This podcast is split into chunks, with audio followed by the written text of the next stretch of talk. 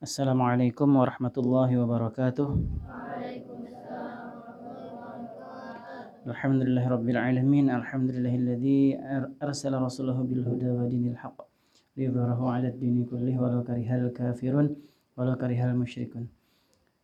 أشهد أن لا إله إلا الله وأشهد أن محمدا عبده ورسوله الذي لا نبي ولا رسول بعده. اللهم صل على محمد وعلى آل محمد. Ayuhal banun wal banat hafizakumullah taala. Mari kita berdoa kepada Allah semoga setiap hari, setiap saat kita senantiasa di, dalam penjagaannya sehingga wabah yang sedang uh, melanda dunia itu tidak sampai kepada kita dan keluarga kita. Dan harus diingat ya, semua arahan semua arahan dari kesehatan dari tim kesehatan tolong dijalankan ya. Ini ada sudah di, diumumkan kepada para wali santri yang pulang itu tidak bisa balik ke pondok dulu. Sampai nanti uh, masa 14 hari itu dilewati. Mungkin antum akan membayangkan wah enaknya ini ajar. Kada kada mondok 14 hari itu rugi. Terbuang-buang waktu setor tahfiz ya kada? Jadi sebenarnya mereka itu rugi. Jadi jangan iri antum. Kasihan mereka sudahlah sakit tidak boleh balik ke pondok. Ada lima orang di data kami, ada lima orang. Ayuhal banun wal banat, marilah kita berdoa pula kepada Allah. Semoga Allah memberikan kefahaman kepada kita dalam memahami Al-Quran. Berdasarkan pemahaman para ulama, berdasarkan pemahaman para, para ahli tafsir. Dan yang seperti biasa kita bacakan adalah tafsir Ibnu Kathir. Semoga Allah merahmati beliau. Kita mulai ya. A'udzu billahi minasyaitonir rajim. Qul lil ladzina kafaru satughlabuna wa tuhsyaruna ila jahannam. Wa bi'sal mihad. Qad kana lakum ayatun fi fi'atayn iltaqata. Fi'atun tuqatil fi sabilillahi wa ukhra kafiratun yarawnahum mithlaihim ra'al 'aini wallahu yu'ad wallahu yu'ayyidu bi man yasha'u inna fi dzalika la'ibratan liulil absar. Sadaqallahul azim. Ali Imran ayat 12 dan 13 Qul lil ladzina kafaru. Katakanlah kepada orang-orang yang kafir. Satughlabuna kalian pasti akan dikalahkan. Wa tuhsyaruna dan kalian akan digiring dikumpulkan digiring ila jahannam kepada neraka jahannam wa bi'sal mihad dan itu adalah tempat kembali yang paling buruk, paling jelek.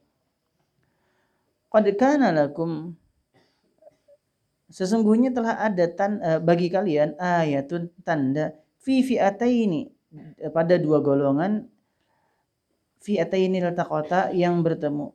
Nah, fi'atun tuqatil tuqatilu fi sabilillah, segolongan berperang di jalan Allah, wa ukhra kafiratun.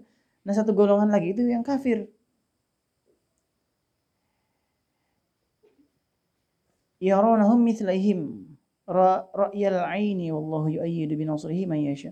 Jadi orang kafir ini melihat seolah-olah orang muslim tadi dalam perang itu dalam pertemuan dua pasukan tadi, dua kelompok tadi itu seolah-olah di penglihatan mereka jumlahnya dua kali lipat orang muslim itu ya ra'yal aini penglihatan mata kepala sendiri. Wallahu yu'ayyidu binasrihi Allah yang menguatkan dengan pertolongannya. May yasha siapa saja yang dikehendakinya. Inna fi dzalika sesungguhnya pada yang demikian itu la'ibratan benar-benar ada pelajaran liulil absar untuk mereka yang masih mempunyai mata hati.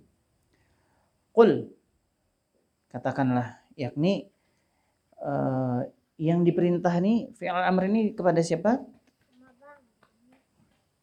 Fi'il amr ini ditujukan kepada siapa? Kulnya itu katakan itu siapa yang disuruh mengatakan? Siapa? Nabi Muhammad yang disuruh berkata. Berkata kepada siapa? Lilladzina kafaru kepada orang yang kafir. Jadi ini ucapan ini untuk Nabi Muhammad sallallahu alaihi wasallam. Jadi Allah diperintah Allah memerintahkan kepada Rasulullah katakan kepada orang kafir satu gelabun kalian itu hai orang kafir sebentar lagi akan dikalahkan Sa itu menunjukkan kata akan, tapi jarak atau temponya itu sebentar. Antum kalau memperhatikan ayat Al-Quran yang berkaitan dengan uh, ancaman terhadap orang kafir, kalla saufa ta'lamun. Tapi ada dalam ayat lain, kalla saya'lamun. Iya enggak? Nah itu dua makna yang berbeda. Ya, makna saufa itu menunjukkan masih agak jauh. Makna sa itu menunjukkan sangat dekat sangat sebentar lagi kalau sa aja. Makanya sawawa jarbanat. Uh, sebentar lagi wawa ya. Wa itu dan sawawa. Temat lagi dan dan ya. itu ngaco tuh bahasa Arabnya tuh. Kayak tadi pagi tuh apa yang baca kitab dari kita. Apa ikam ya? Apa bahasa Inggrisnya? What you? Ya lah. What you? Apa ikam? Ya. Satu labun kalian pasti akan dikalahkan yaitu di dunia ini yang dikalahkannya di dunia ini jadi jangan untuk mengira oh kita ini orang Islam kada apa kalah di dunia nanti menang di akhirat bukan gitu makna ayatnya satu labun itu kalau menurut Imam Ibnu Katsir mereka tuh akan dikalahkannya di dunia orang kafir itu Watuh syarun. Nah lalu di akhirat mereka akan digiring menuju neraka jahanam. Ila ila jahanam. Satu syaruna ila watuh syaruna ila jahannam. Dan kalian akan benar-benar digiring itu kepada neraka jahanam. Di mana itu? Di akhir akhirat. Kalau dikalahkan di mana? Di dunia. Tapi kalau digiring menuju neraka jahanam itu di akhirat. Wabi islamiyat dan itu adalah tempat yang sangat buruk atau tempat yang seburuk-buruknya. Muhammad ibnu Ishaq ibnu Yasar meriwayatkan dari Asim bin Amr bin Qatadah bahwa Rasulullah SAW setelah memperoleh kemenangan dalam perang Badar dengan kemenangan yang gemilang lalu beliau kembali ke Madinah. Maka orang-orang Yahudi melakukan perkumpulan di pasar Bani Qainuqa. Lalu Rasulullah SAW bersabda, Ya ma'syara Yahud, hai orang-orang Yahudi, aslimu, masuk Islamlah kalian semua. Qabla ayyusibakumullahu, sebelum Allah yusibakum, menimpakan kalian, atas kalian. Ma asaba Quraisy apa yang telah ditimpakan kepada orang Quraisy dalam perang Badar orang Quraisy menang atau kalah? Kalah. Jadi Rasulullah ini memberi ancaman atau peringatan kepada orang Yahudi. Wahai orang Yahudi, masuk Islam aja segera kalian. Sebelum kalian ditimpa Allah musibah seperti musibah orang Quraisy yaitu kalah dalam perang Badar. Nah, maksud Nabi kayak gitu. Apa jawaban mereka? Hai Muhammad, jangan engkau berbangga diri karena engkau telah mengalahkan segolongan kaum Quraisy. Mereka adalah orang-orang yang tolol, tidak mengerti berperang. Sesungguhnya kamu demi Allah sekiranya kamu memerangi kami, niscaya kamu akan mengetahui bahwa kami adalah orang-orang yang ahli dalam berperang. Dan kamu pasti belum pernah menjumpai lawan seperti kami. Ini sombongnya Yahudi. Jadi Yahudi wajar aja bukan ikam bukan ikam tuai Muhammad menang melawan orang Quraisy karena orang Quraisy itu kada hebat perang. Nah, hendak harat, hendak tahu ikam harat kadanya lawan ini kami ujar bukan Yahudi. Maka ikam akan tahu kayak haratnya kami. Nah, maka sehubungan dengan ucapan itu mereka uh, ucapan mereka itu Allah menurunkan firman-Nya. Nah, jadi dijanjikan Allah lagi satu labun. Apa artinya tadi? Kalian akan segera tughlabun di dikalahkan. Watuh watuh syarun dan akan digiring ila jahannam. Sampai dengan firman-Nya tadi terdapat pelajaran bagi orang-orang yang mempunyai mata hati. Nah, Muhammad ibnu Ishaq meriwayatkan pula melalui Muhammad ibnu Abu Muhammad dari Sa'id dan Ikrimah dari Ibnu Abbas dengan lafaz yang semisal. Karena itulah disebutkan di dalam firman-Nya, "Qad kana lakum ayah." Sesungguhnya ada tanda, telah ada tanda bagi kalian, yakni telah ada tanda bagi orang-orang Yahudi yang berkata demikian, suatu tanda yang menunjukkan bahwa Allah pasti akan memenangkan agama Allah, menolong Rasulullah dan menonjolkan kalimat Allah serta meninggikan perintah Allah. Fi fi'ataini iltaqata ya. Telah ada ayat atau tanda pada dua kelompok yang bertemu. Fi'atun tuqatilu fi sabilillah. Satu kelompok itu berperang di jalan Allah wa ukhra kafirah satunya lagi kafir. Kira-kira siapa yang menang? Antara yang berjuang di jalan Allah dengan yang berjuang di jalan kekufuran. Siapa yang kira-kira menang? Yang berjuang di jalan Allah. Kenapa? Karena pembelanya adalah Allah pelindungnya adalah Allah. Maka pasti menang. Makanya jangan takut selama antum benar, selama antum berada di jalan Allah, jangan takut. Nah, yang dimaksud dengan mereka ini adalah orang-orang Quraisy, musyrik Quraisy dalam perang Badar ya. Itu kelompok yang kafir. Itu orang Quraisy. Artinya kepada orang Yahudi kejadian kalahnya perang eh, kalahnya kafir Quraisy dalam perang Badar itu harusnya menjadi tanda bagi orang Yahudi bahwa mereka pun akan segera dikalah dikalahkan. Yaronahum mithlaihim ra'yal ain. Dengan mata kepala sendiri mereka melihat seolah-olah jumlah kaum muslimin tadi jumlahnya berapa? Dua kali lipat. Nah, salah seorang ulama mengatakan berdasarkan apa yang diriwayatkan oleh Ibnu Jarir bahwa orang-orang musyrik dalam perang Badar melihat pasukan kaum muslimin berjumlah dua kali lipat pasukan mereka eh dua kali lipat dari pasukan mereka. Padahal nyatanya pasukan Badar itu uh, cuman berjumlah 313 orang atau sekitarnya.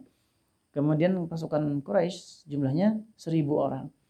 Tapi di mata orang-orang Quraisy, di mata orang kafir Quraisy pada saat itu jumlah pasukan muslim dua kali lipat. Nah, ini nanti ada penjelasannya. Adalah yang bisa nebak lah kenapa jumlah pasukan muslim seolah-olah dua kali lipat. Padahal cuma 313. Kada saat setengahnya dari orang kafir.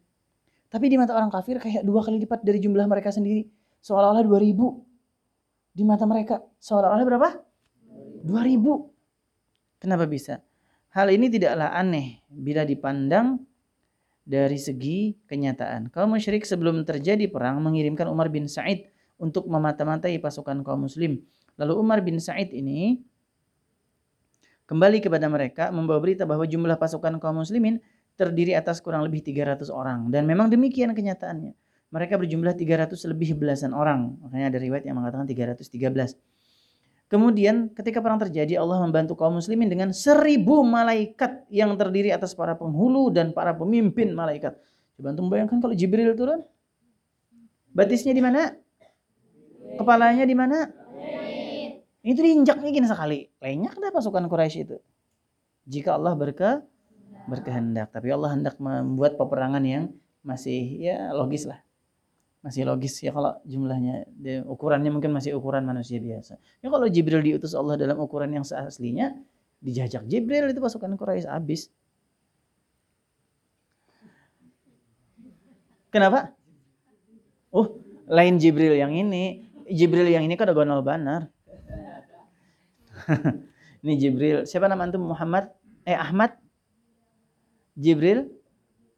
Abdul Karim. Oh ya. Jibril. Bagus nama antum.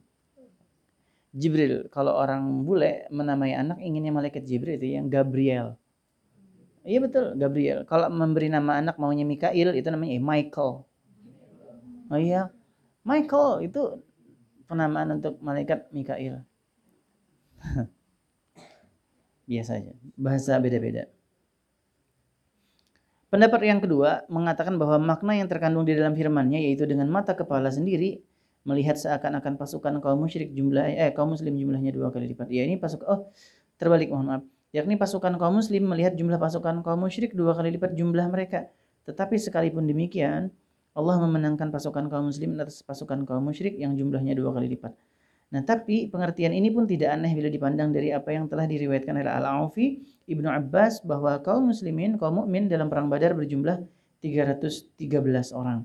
Sedangkan e, pasukan kaum musyrik terdiri atas 626 orang. Nah, ini beda-beda pendapat. Seakan-akan pendapat ini disimpulkan dari makna lahiriah ayat. Tetapi pendapat ini bertentangan dengan pendapat yang terkenal di kalangan ahli tarikh dan ahli sejarah serta bertentangan dengan pendapat yang dikenal di kalangan jumhur ulama yang mengatakan bahwa kaum musyrik terdiri atas 900 sampai 1000 orang seperti yang Abi bilang di awal tadi. Jadi pendapat yang mengatakan 626 itu lemah. Hanya berlandaskan pada lahiriah ayat yang jumlahnya dua kali lipat. Lalu 313 dikali 2 626. Tapi ini bertentangan dengan pendapat uh, jumhur. Seperti yang diriwayatkan oleh Muhammad ibnu Ishaq dari Yazid ibnu Rauman dari Urwah ibnu Zubair. Anna Rasulullah sallallahu alaihi wasallam lama sa'ala dhalika al-'abd al-aswad li bani al-hajjaj an 'iddati Quraisyin eh, bukan iddati iddah atau addah ini uh, qala kathir qala kam yanharuna kulla yawmin qala yawman tis'an wa yawman ashiran eh, ayo wa yawman ashiran. Faqala an-nabiy sallallahu alaihi wasallam al-qawmu ma baina tis'imi'ati ila al-alf. Bahwa Rasulullah sallallahu alaihi wasallam ketika menanyakan kepada seorang budak hitam milik Hajjaj tentang bilangan pasukan Quraisy maka budak itu menjawab bahwa jumlah mereka banyak. Nabi sallallahu alaihi wasallam berapa ekor untakah yang mereka sembelih setiap harinya? Budak itu menjawab terkadang sembilan dan terkadang sepuluh ekor setiap harinya. Nabi SAW bersabda, kalau demikian jumlah unta yang mereka sembelih tiap hari, maka kaum mereka itu antara 900 sampai 1000 orang. Jadi Nabi menghitung statistik berdasarkan teori probabilitas. Nah, itu ada tuh rumusnya tuh dalam matematika namanya frekuensi harapan. Eh, ya teori eh frekuensi harapan ya. Ada ada. Uh, statistik bagus tuh antum. Dari situ Nabi bisa tahu jumlahnya 1000 orang, 900 sampai 1000 orang dari jumlah unta yang mereka sembelih. Artinya kalau 9 ekor maka 900 dengan asumsi satu ekor unta itu dimakan 100 orang. Nah, maka kalau 9 ekor berarti jumlahnya 900. Kayak gitu logikanya. Logikanya Rasulullah Shallallahu alaihi wasallam.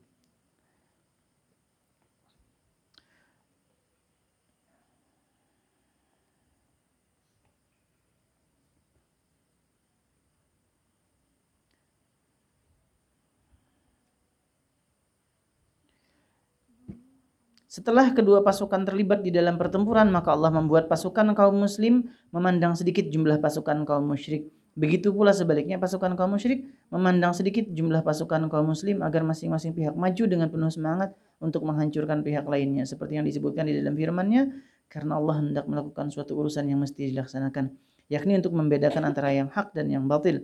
Lalu menanglah kalimat iman atas kalimat kekufuran dan kezaliman. Allah memenangkan pasukan kaum muslim dan mengalahkan pasukan kaum kafir seperti yang disebutkan oleh Allah Subhanahu wa taala dalam firman-Nya walaqad nasarakumullahu bi badrin wa antum azillah Ali Imran ayat 123 sesungguhnya Allah uh, sungguh Allah telah menolong kalian dalam perang Badar padahal kalian ketika itu adalah orang-orang yang lemah.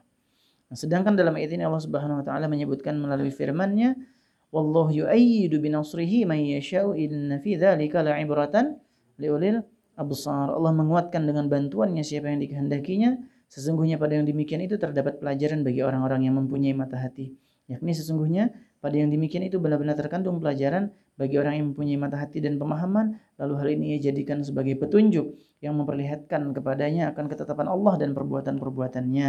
Serta takdir-takdirnya yang berlangsung ketika dia menolong hamba-hambanya yang beriman dalam kehidupan di dunia ini. Juga pada hari di saat semua itu di saat itu semua saksi bangkit menyaksikan. Nah, jadi ayat ini memberi gambaran kepada kita bahwa Allah itu tidak pernah ingkar janji. Jika Allah sebentar lagi kalian akan dikalahkan. Maka bujaran kalah. Dalam perang apa kalahnya pasukan itu? Pasukan Yahudi itu dalam perang apa? Nah, di antara yang terbesar itu adalah dalam perang Ahzab atau perang Khan Khandak. Padahal pasukannya nanti besar sekali. Yahudi itu berkoalisi lagi, kada cuma dengan diri mereka sendiri aja, tapi berkoalisi. Kalah juga ternyata. Karena apa? Allah sudah menjanjikan satu satu labun. Kalian akan segera eh, kalian akan segera di dikalahkan. Maka pasti akan kalah. Maka ayuhal banunul banat antum jangan pernah ragu dengan janji Allah Subhanahu wa taala. Kalau Allah menjanjikan misalnya uh, latuf latuf tahannal Konstantiniyah. Konstantinopel itu benar-benar akan ditaklukkan. Wa ni'mal jais eh, wa ni'mal amir amiruha wa ni'mal jais dzalikal jais. Sebaik-baik pemimpin adalah pemimpin pasukan yang menaklukkan Konstantinopel itu dan sebaik-baik pasukan adalah pasukan tersebut. Maka itu paling baik dah dan itu pasukan Muhammad al Al-Fatih. Nah, tapi ada satu janji lagi yang belum terwujud, yaitu bahwa kelak umat Rasulullah SAW akan menaklukkan kota Roma. Dan kalau belum terwujud, maka tunggu aja, pasti akan terwujud. Dan itu tidak akan diingkari oleh Allah Subhanahu wa taala. Innallaha la yukhliful mi'ad. Allah itu tidak pernah sesungguhnya Allah itu tidak pernah menyelisihi janjinya. Kalau Allah berjanji, maka pasti akan ditepati. Begitu juga dalam kehidupan sehari-hari kita, Allah tidak pernah mengingkari janjinya. Ud'uni Allah astajib lakum. berdoa kepadaku maka akan aku jawab, akan aku kabulkan. Atau jar Allah uh, wa may yattaqillaha yaj'al makhraja. Barang siapa yang bertakwa kepada Allah maka akan Allah jadikan baginya jalan keluar. Nah, itu janji Allah kada bakal diingkari. Tidak bakal diingkari. Maka kita harus senantiasa yakin dengan janji Allah Subhanahu wa taala. صدق الله العظيم أستغفر الله العظيم أستغفر الله العظيم أستغفر الله العظيم. سبحانك اللهم وبحمدك أشهد أن لا إله إلا أنت أستغفرك وأتوب إليك. ثم السلام عليكم ورحمة الله وبركاته. صلى الله ربنا على نور المبين أحمد المصطفى. سيد المرسلين صلى الله ربنا على نور المبين أحمد المصطفى سيد المرسلين وعلى آله وصحبه أجمعين وعلى آله وصحبه ajma'in. Silakan baca surah Yasin.